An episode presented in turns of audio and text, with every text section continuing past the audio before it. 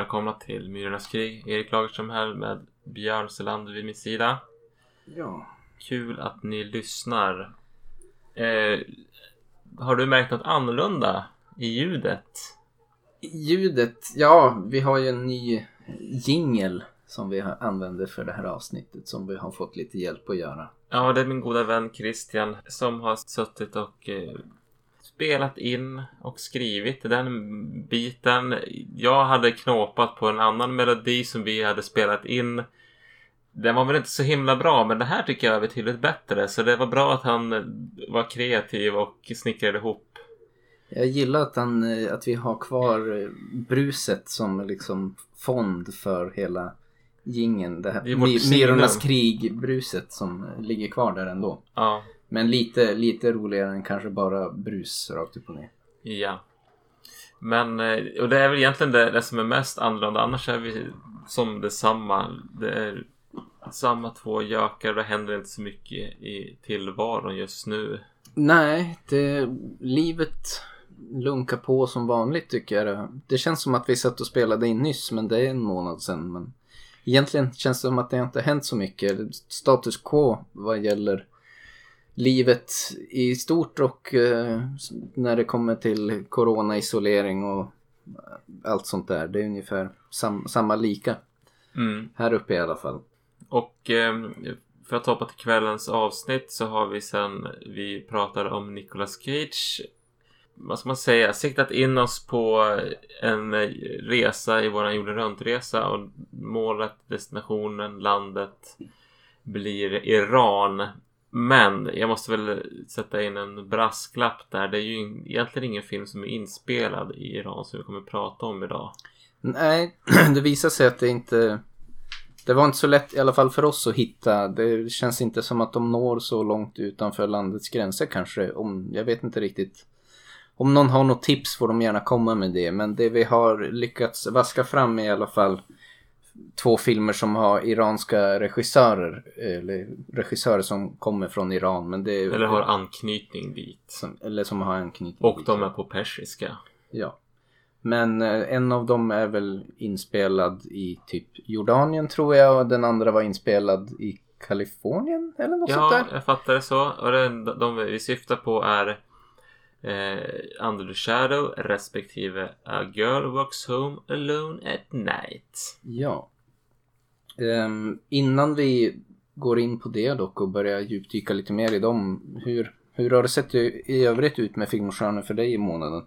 Ja, men jag tycker att jag har haft en ganska trevligt upplägg. Jag har kunnat komma till att se en del filmer. Nu minns jag inte riktigt alla jag har sett, men jag har några från genre, skräckgenre som jag ändå vill ta upp. Jag hade en väldigt intressant upplevelse när jag, jag hade som två kvällar i rad så skulle jag natta min unge.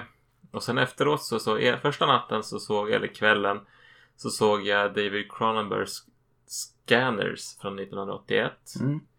Eh, den handlar om, eh, ja men det är liksom eh, i världen så finns det en del personer med som över eh, naturliga krafter. De är som de kan påverka andra med sitt eget psyke och liksom få dem att så här, må dåligt eller Är det den här filmen som har den här klassiska huvudexplosionsscenen? precis. Den, och som den man är, ser lite här och var i olika sammanhang. den är med. Den, ja men det är den. Ja, Den filmen såg jag. Och den, ja, men den handlar ju om en outcast som liksom blir liksom uppfångad av någon, någon corporation som vill hjälpa honom att träna sig och använda sina krafter. Han har varit liksom utstött för att han är ju typ som psykiskt sjuk på grund av sina förmågor. För han, har ju liksom, han kan ju läsa folks tankar och så vidare.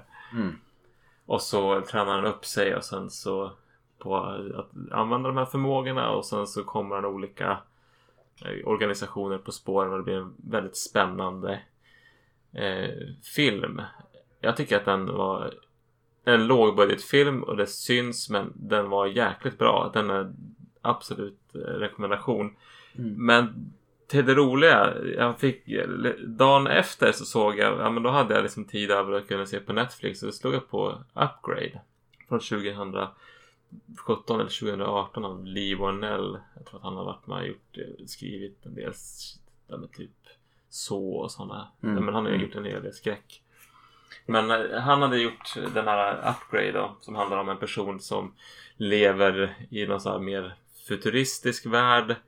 Eh, som i ett rån tappar liksom, ja men han blir skjuten eller någonting på ett sätt att han liksom helt helkroppsförlamad. Han blir tetraplegisk. Och så får han eh, liksom, genom ett företag hjälp att installera ett chip i ryggmärgen som kan liksom göra honom övermänsklig. Mm. Och sen när jag hade sett klart den här filmen som jag också tycker är väldigt bra så tycker jag det här är ju som en en tjuv-remake. Alltså man har helt olika motiv. I den andra så är det någon som är medfödda psychic powers. Mm. Medan den här är någon som får en, liksom, en datakomponent uppgraderad som gör honom han kan inte läsa andras tankar men han blir så här överdrivet bra motoriskt och ditt och datt. Men de här filmerna, skulle man se de här parallellt med varandra så i hur vändningarna går och vilka karaktärer som så tycker jag det känns som en remake. Jag skulle slå ett slag för det. Du tror inte du har sett någon av dem kanske? Nej, jag såg trailern till Upgrade häromdagen bara faktiskt. Men jag kom aldrig riktigt till skott. Ja men det är ändå en stark rekommendation. Jag tyckte den var bra. Mm. Helt klart sevärd. Lite lågbudget också men för att vara, ja men den är tänkvärd. Mm.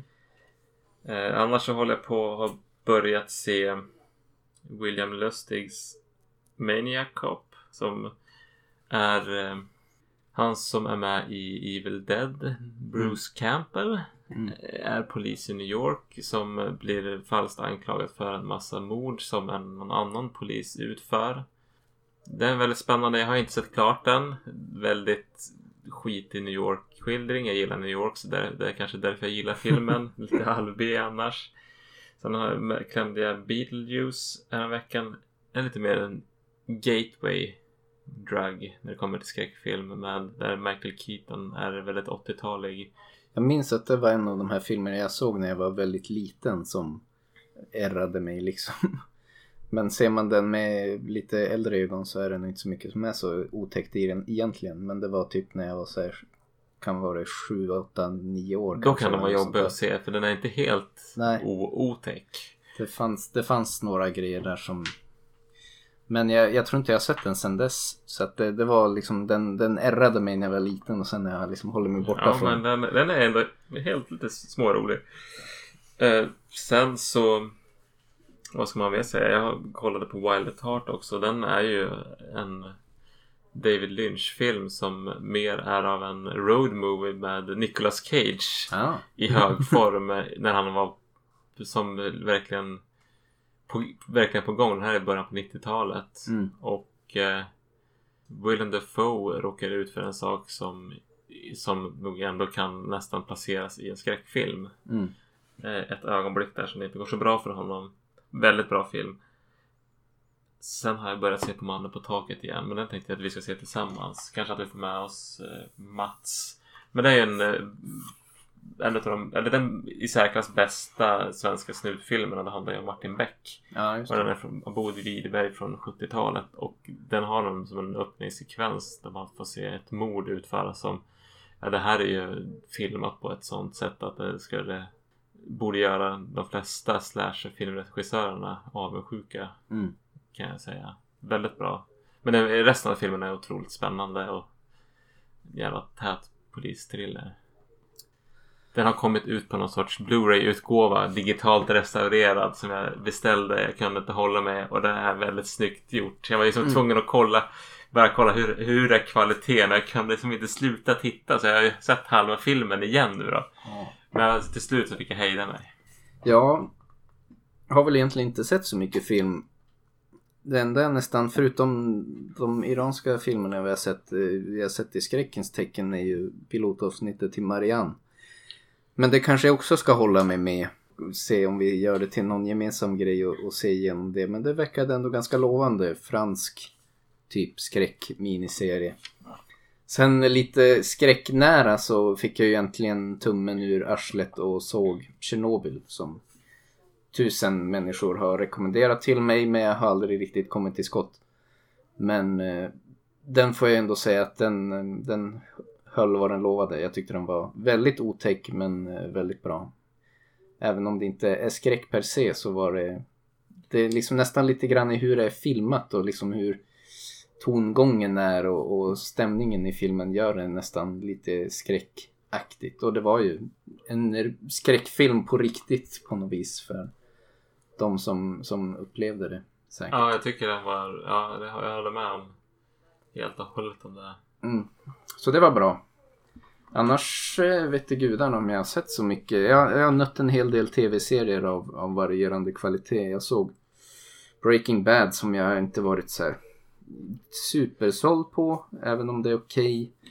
Jag såg äntligen sista säsongen av Game of Thrones som jag Eh, det var väl ungefär vad jag förväntade mig att det skulle vara. Jag för, trodde inte att det skulle vara sådär jättebra och det var inte sådär jättebra. Men jag var inte jättebesviken och upprörd som många verkar ha varit över det där. Jag har ju inte sett Game of Thrones överhuvudtaget. Jag har sett första minuterna. Du är lyckligt ovetandes.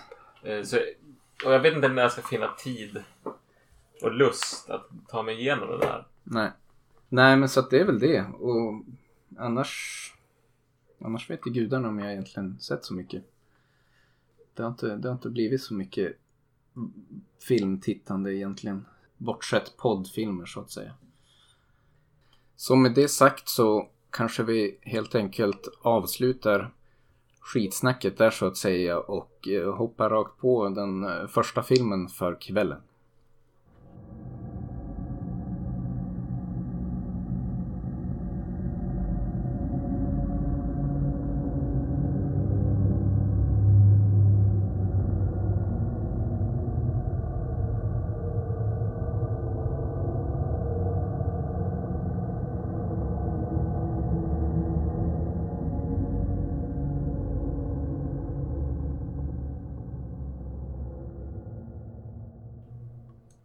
Ja, först ut för kvällen är eh, Anna Lilja Amirpours A Girl Walks Home Alone at Night.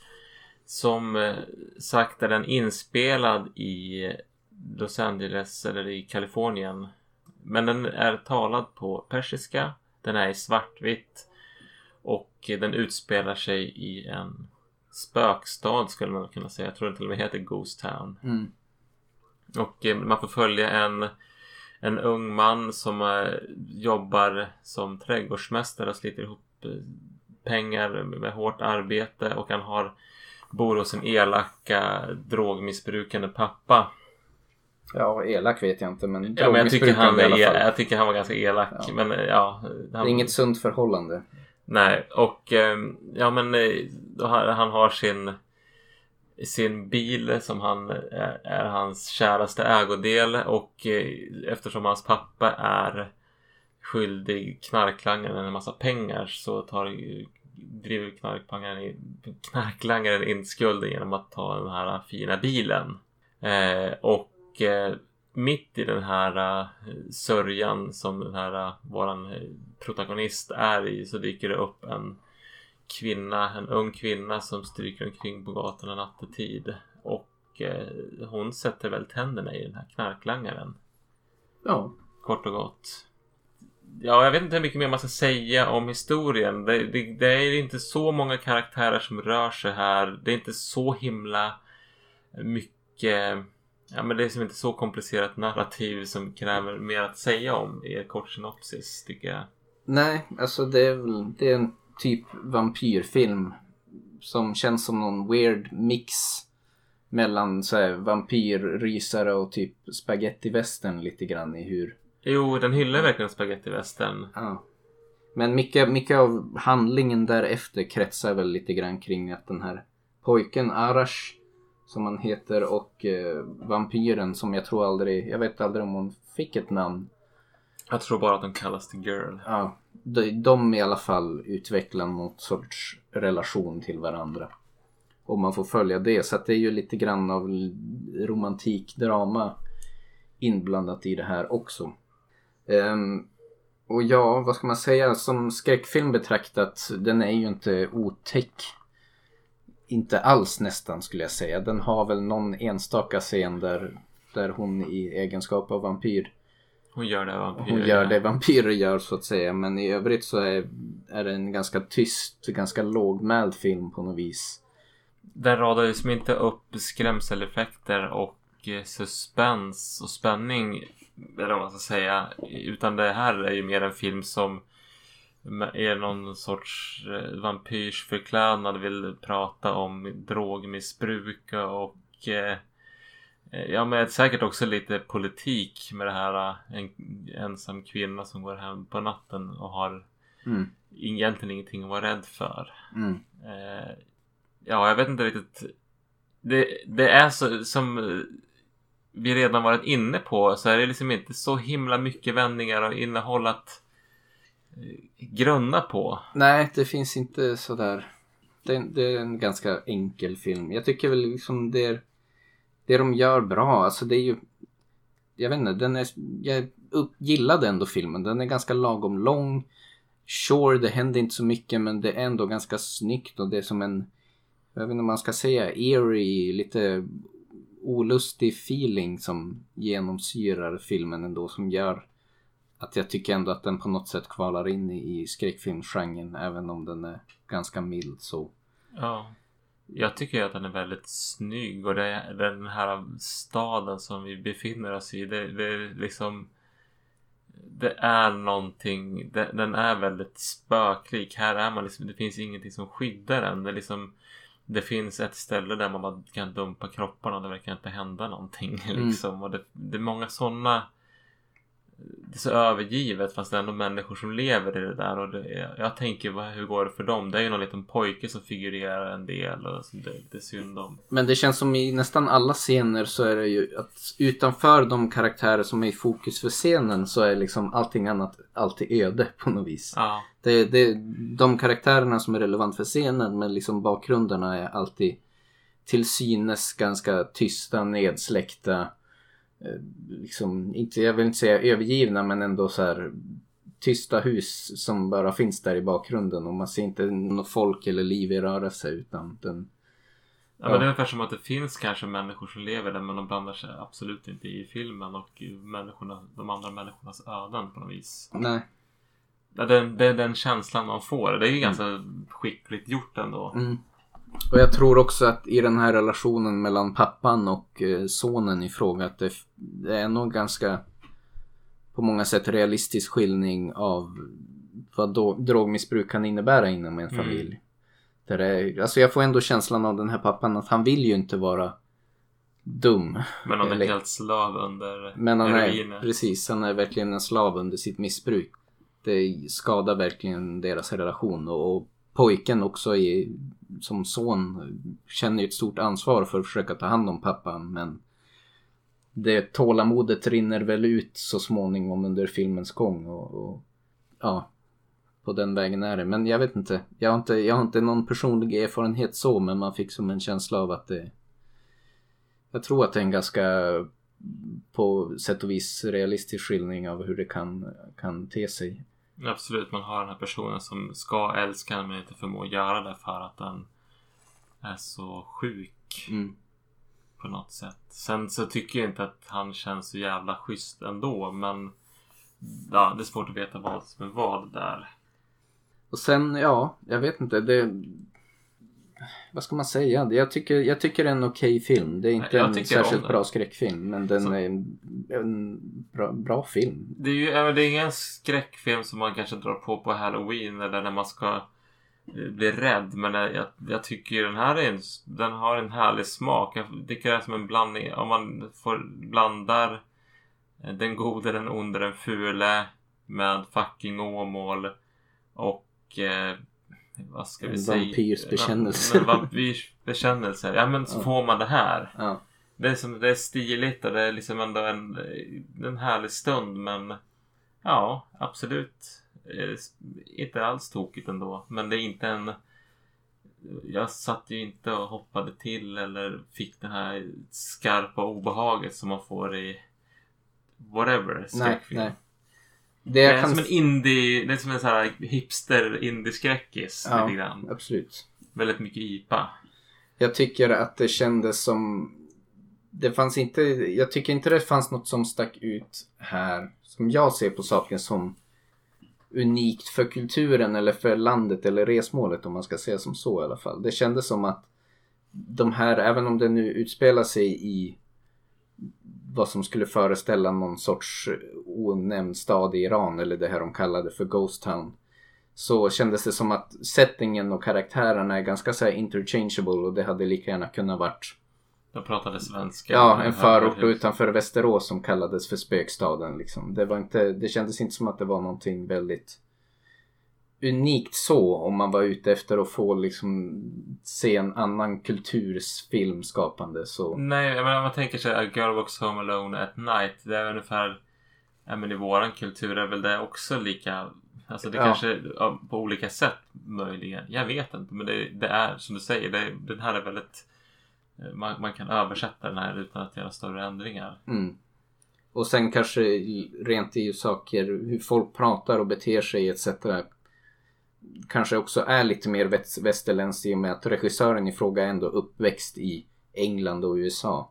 Ja, Även om hon har rötter i Iran så var hon väl född i England tror jag och senare hade flyttat och varit uppväxt i USA. Så att hon är ju kanske inte uppväxt och förkovrad i kulturen på så, så vis. Eh, det kanske är mer att det är som en västerländsk film, men för att få lite mer umami så har man haft, pratat om persiska. Ja, men lite. Alltså jag tyckte när vi såg våra Turkiet-avsnitt till exempel, då var det ändå så här. Förutom, alltså det var ganska subtila detaljer lite grann bara i hur folk beter sig och hur folk pratar och som är lite, som var liksom lite annorlunda och gjorde att man blev lite mer on edge för man visste inte exakt hur man hade, skulle ha lite, förväntat ja, sig. det har, det har en annan Mm. som klangbotten, eller vad Mm. man säger, som är kanske lite mer landspecifikt. Ja, typ så. Men sammanfattningsvis, En bra. en bra film. Den är sevärd men ser den mer som en intressant drama med lite skräckflavor. Ja. Finns på Cineasterna och på Umeå stadsbibliotek på DVD finns den. Men Cineasterna är, det är ju en tjänst som man kan streama och den är kopplad till ganska många olika bibliotek. Mm. Så man kan streama gratis och ganska bra utbud. Då så. Då är det ju inget, då är inget att debattera. Gratis är gott. Nog om det. Nog om det. Vi hoppar vidare mot nästa film.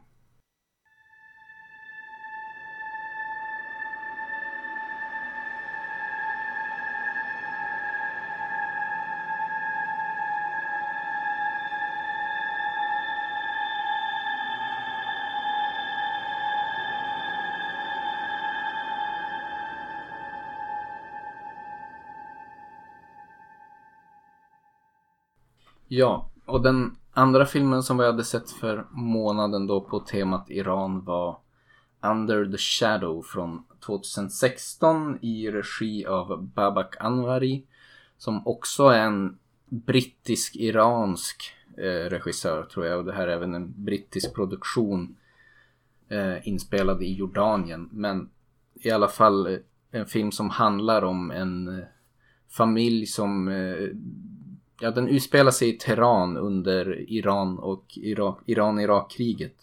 Och det är en familj där vars maken i familjen blir kallad till frontlinjen och eh, kvar där då blir en ung kvinna tillsammans med hennes barn i ett lägenhetskomplex. Och hon är som, får man veta från början, så här ganska envis och egensinnig och fler och fler människor under filmens gång då börjar evakuera från Teheran allt eftersom det hettar till i kriget men hon vill stanna kvar och klara sig själv Ska vara kvar i lägenheten. och ska vara kvar och klara sig själv där i lägenheten då eh, tillsammans med sitt barn Dorsa eh, under och det, det, ja, det är väl det egentligen kan man säga men det börjar hända lite spökliga saker allt eftersom filmen går då Ja. Nej, men jag skulle väl säga att den här filmen är ju mycket, mycket mer Iran. Den här handlar ju Mm. liksom om faktiskt, alltså den, den utspelar sig i, i som skuggan av faktiska historiska händelser i ett krig som har hänt och Mm. varit. Jo, jag tycker, och det är ju mycket mer skräckfilm också. Det här är ju på många sätt kanske en, en traditionell skräckfilm lite grann i hur storyn är uppbyggd etc. Men, men den har också lite grann sin egen flavor i rent, rent fysiskt hur mycket av skräckscenerna är. Att det är så här, det är inte... Ingen av de scares som är i den här filmen har jag sett i någon annan film på det här sättet. Och det är ganska, de har ganska unika, liksom finurliga, kreativa lösningar på liksom olika scares som de gör. Men essensen av det hela handlar väl om, de, de primar en lite grann med att någon sagoberättelse om ginner som kommer och bärs med vinden och kan ibland haka fast till någon, person eller föremål. Och, så att då har man hela tiden den här vinden, när vinden börjar blåsa upp då är det liksom på väg att då kommer någonting otäckt igen. Men de gör det ganska kreativt och det är väldigt annorlunda men det är mycket slow burn i det. Det börjar väldigt sakte, så sakteliga och liksom stegrar mer och mer mot slutet med mer mystiska saker som börjar hända. Och man förstår att det är liksom kopplat till någon docka som den här barnet eh, Dursa i filmen hade. Som den här ginnen. Hon, hon förlorar sin docka men så visar det sig att det är ginnen som har tagit den och liksom förhäxat barnet då eller förföljer barnet på något vis. Ja, de som tar, eh, ja men det verkar väl vara så att de tar personliga ägodelar för att kunna kontrollera personerna som är knutna till dem. Mm. På ett sätt. Mm. Ja. Men i alla fall, och sen tycker jag redan från början när man börjar se den här filmen att liksom fonden av det här hemska kriget som puttrar på i bakgrunden, det gör sig väldigt bra för skräckfilm. Att redan från början är det ju som otäck tillvaro de lever i. En lägenhet med alla fönster är förtejpade för att hindra splitterskador och de får springa upp och ner mellan skyddsrummet och lägenheten Ja, jag när tycker det det skapar en ganska otäck dynamik. Så här, att de ena stunderna är i så här skyddsrum tillsammans med folk. Mm. Och sen när de är i lägenheten och det är liksom, eh, när de springer till skyddsrummet så kan det ju vad som helst hända för att de är under bombattack. Men samtidigt så känns det nästan som en lättnad för då är de inte lika ensamma Ja. och utsatta för andevärlden. Men det skapar ju också den här ångesten att Jo, vilken scen som helst. De kan sitta och äta frukost och ha det lite mysigt och trevligt så sätter liksom luftvärnssirenerna igång så ändras liksom stämningen direkt på något vis. Så att det, jag vet inte, det, det var bra. Jag gillade liksom hela upplägget och fonden om vi nu ska kalla det så för hur de har valt att göra den här filmen. Alltså jag skulle vilja stå ett slag för, ja men det är en bra krigsskildring. Jag tycker att jag har sett ganska många krigsfilmer i mitt liv. Där man ju i vanlig ordning följer de här stridande infanterisoldaterna. Mm. Medan här kanske är en mer, vad ska man säga, det, det är mer så här krig upplevs för de stora massorna. Ja, Att man liksom sitter där och försöker bygga en vardag och sen så går larmet eller Mm. så smäller det. Mm. folk som försöker klamra sig fast vid något slags vardagsliv även fast det inte riktigt är vardag. Man får de här otäcka påminnelserna emellanåt under filmens gång också att det, det är inte vardag. Och sen är det ju också lite grann med, nu har jag tappat namnet på, Shide heter hon, frun i sammanhanget visade Hon var ju, de pratar om det i början och den dynamik som lite grann spelar om in också i hur hon relationen hon har till andra folk runt omkring i huset. Att man förstår att hon har varit på fel sida av revolutionen om man så säger. Och det är därför hon inte längre kan plugga till läkare. Så Ja. hon är ganska bitter över det. Ja, så att, och hon har liksom en liten paria-status kanske. Det är väl lite hårt att säga men det är många som är lite reserverade inför henne och hennes familj i huset för att hon hängde väl på någon form av vänsterrevolutionär rörelse under revolutionen och, och slutade upp på den förlorande sidan så att säga. Men eh, ja, jag, jag gillade den här filmen. Den är inte, det är inget det är inget liksom superläskigt. Det är mer, mer en, det är inte så här liksom jump scare som man skiter knäck. Men det är mycket så här härlig, rysliga scener som En härlig spökfilm. Även om det är ginner. Ja. Så att det, det var, och som sagt att det var väldigt, jag upplevde det som väldigt kreativt. Att det var som, faktiska spökscenerna som var här var väldigt annorlunda från annat jag har Men det är sett. snyggt gjort. Jag tycker de här spökena är snyggt. Mm. Det lilla som man ser är Mm. snyggt ändå. Ja. Rätta mig om jag har fel. Nu var det ett tag sedan jag såg den här. Ja, jag såg den. Jag har den ju lite mer färskt i minnet. Men de har liksom lite olika. En, en, den här ginen eller i sin fysiska form representeras ju av någon form av typ. Vad heter det? Burka eller eh, niqab som typ. Som svävar runt där och fladdrar förbi fönstret ibland. Och så är det något bomb som slår ner i taket på deras hus som först börjar som en spricka i taket men sen så sprider det sig här mer och mer och blir mer som ådror som sprider sig ut och tar grepp om lägenheten. Att man tror först att det bara är en skada efter bomben men sen förstår man att det är något mer otäckt liksom i bakgrunden kring det här. Mm. Och så får hon så här, Det börjar ju med att hon får ett telefonsamtal från hennes man vid frontlinjen som försöker övertyga henne om att men hon måste ta sig därifrån. Men sen kommer ginnen in där också och pratar med hennes makes röst med henne i telefonen och liksom säger sjukt elaka grejer så till slut förstår man att det inte är hennes make hon pratar med. Eller hon tror att det är hennes make men det är liksom någon annan egentligen i luren som försöker ja, trolla henne eller vad man nu ska säga. Det är väl, det är väl en del av liksom andens äh, hemsökning att han försöker bryta ner henne på något vis. Men det, det var bra. Jag vet inte vad man ska säga. Ja, den är Mm. ganska, jag tycker att den är ganska rik film för den har ju både en bra eh, liksom skräckådra eller vad man ska säga. Mm. Men också att den har den här skildringen av den här med historiska tiden i Iran. Det vet jag Mm. inte hur, nu var jag inte där men den liksom eh, Ja men den berättar en, en berättelse därifrån som känns ganska autentisk ändå. Mm. Om man bortser från det andliga. Och sen tycker jag den är, har ju också en härlig dynamik just att hon är så envis och är den, till slut är de de sista som är kvar i huset. Det skapar också en... Det är, jag tycker att det är liksom ett minne som består från när jag såg den här filmen. är just att det blir att de blir mer och mer ensamma, mer och mer utsatta i den här. Ja. Och det tycker jag, det, det har en ganska bra effekt.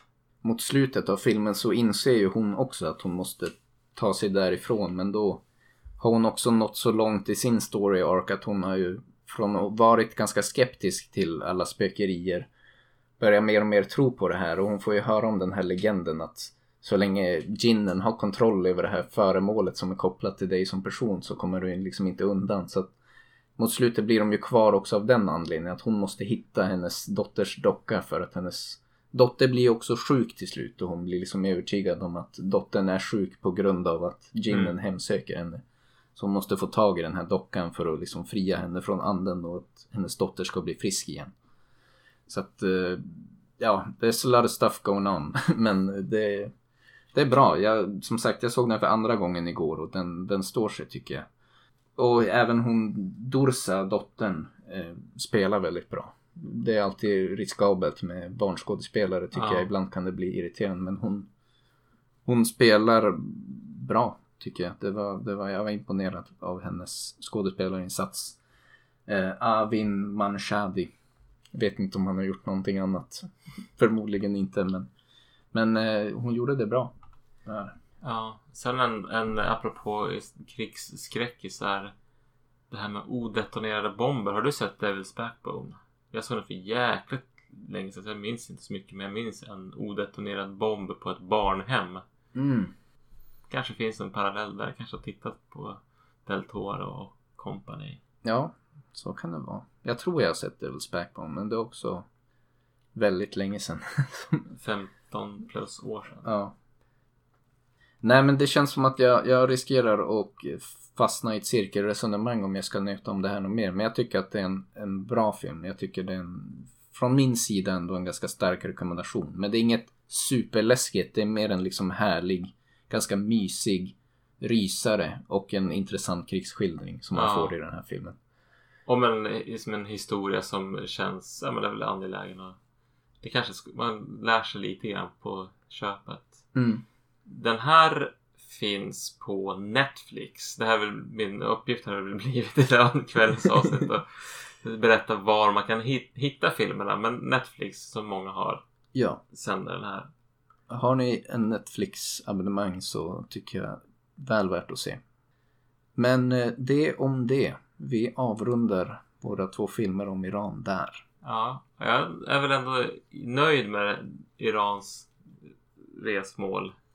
Ja, det tycker jag. Som sagt, det hade varit intressant att få se mer genuint iranska filmer kanske. Man får i en fjärran framtid kanske återbesöka landet och se om man kan få lite tips och råd och hitta några verkligen iranska produktioner och det här är ju som iranska skådespelare som har rötter i Iran och direktörer, vad säger man, regissörer heter det. Som har rötter i Iran men det är liksom brittisk respektive amerikanska produktioner och det det adderar väl en annan mer västerländsk smak. Ja, det känns så. Det, det kändes inte lika unikt mellan östern som jag tyckte det kändes de filmerna vi såg när vi var i Turkiet till exempel. De mm. hade en, en annan, ja men som du sa, grundton på något vis i filmen. Som här, ja, det här, man kände igen liksom greppen på något vis och lite grann hur det är filmat och, och hur folk pratar med varandra och det det kändes igen från västerländsk film på ett annat sätt. Men, men annars tycker jag ändå det var två ganska annorlunda filmer från varandra och båda var bra på sina egna små sätt. Mm. Så på det stora hela är jag ändå ganska nöjd.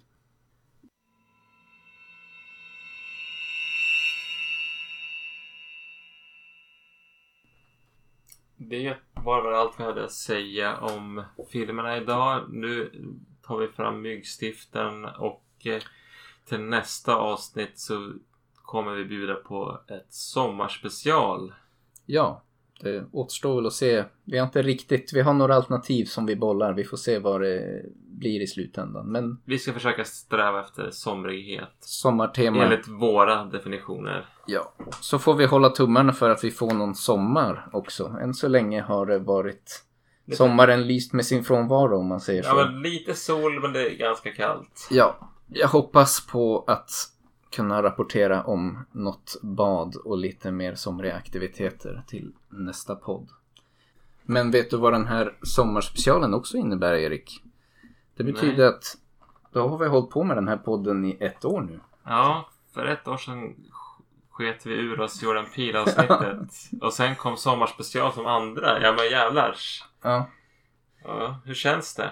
Ja, det har gått fort. Ett år i backspegeln. Det känns som att det, det försvinner ganska fort. Fast det är lite kul att kunna se tillbaka på också och ha någonting. Det här blir liksom som en månadsvis ändå men ändå lite dagbok man kan titta tillbaka så, så kan man komma ihåg att ja men just det.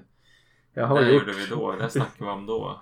Jag har gjort några grejer under året i alla fall, sett ja. några filmer. Annars, eh, jag vet inte. Det känns som att tiden accelererar med åldern på något vis. Jo, och nu när jag har fått barn så ja, det skrämmer mig. Tiden ja. går så fruktansvärt fort. Har du något favoritavsnitt? Om vi ska försöka byta ämne till något mer glädjefullt. Ja, det vi har gjort tycker jag ändå Turkiet-podden är jag nöjd med. Den tyckte jag kändes som... Det känns som att vi hittade rätt i våran jorden runt-resa. Ja, och det var Nej. som ett bra flow. Det var första avsnittet som jag tyckte det kändes som att vi kom in i något sorts bra poddflow. Det är en ganska weird grej tyckte jag från början och särskilt de första avsnitten då då hackar man sig fram på något vis innan man kom in i något bra. Det tog jättelång tid att spela in avsnitten då på ett sätt. Ja.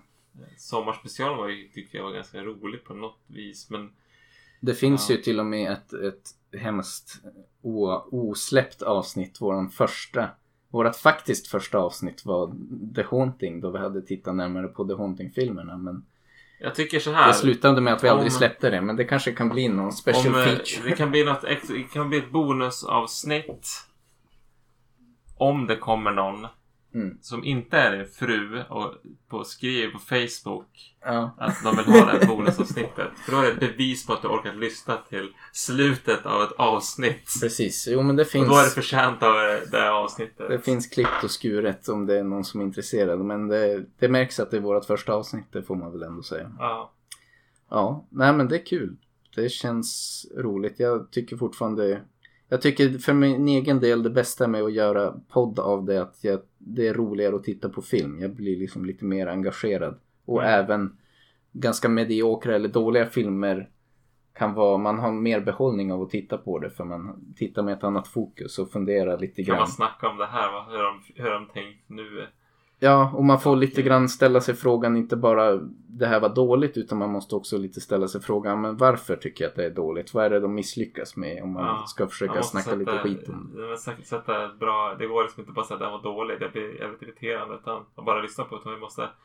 Det kanske är irriterande att lyssna på oss ändå men när vi liksom tvingas, ja men jag känner att det här inte var bra. Men varför? Jo, så att man liksom som du säger, vi måste hitta ett språk. Vi får Mm. utspråka. Det är ganska kul att leta rätt på var, var de där känslorna kommer ifrån och varför de är där. Ja. Vad är, det man, vad är det man tycker är bra och varför tycker man det är bra? Och, ja, nej, men det är trevligt. Jag ser fram emot i alla fall ett år till hoppas jag av poddande. Och det är ju som en bonus bara om det är någon som vill lyssna också.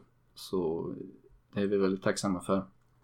Det är om det kanske. Jag tror att vi, vi är nöjda med det här avsnittet för den här gången. Så får jag tacka så mycket då för alla som lyssnar och så får vi säga på återseende kring midsommar ungefär. Då kommer vi ha ett somrigt, myggbitet avsnitt att avnjuta. Ja, det blir bra. Ehm, tack för den här gången. Godnatt. Godnatt.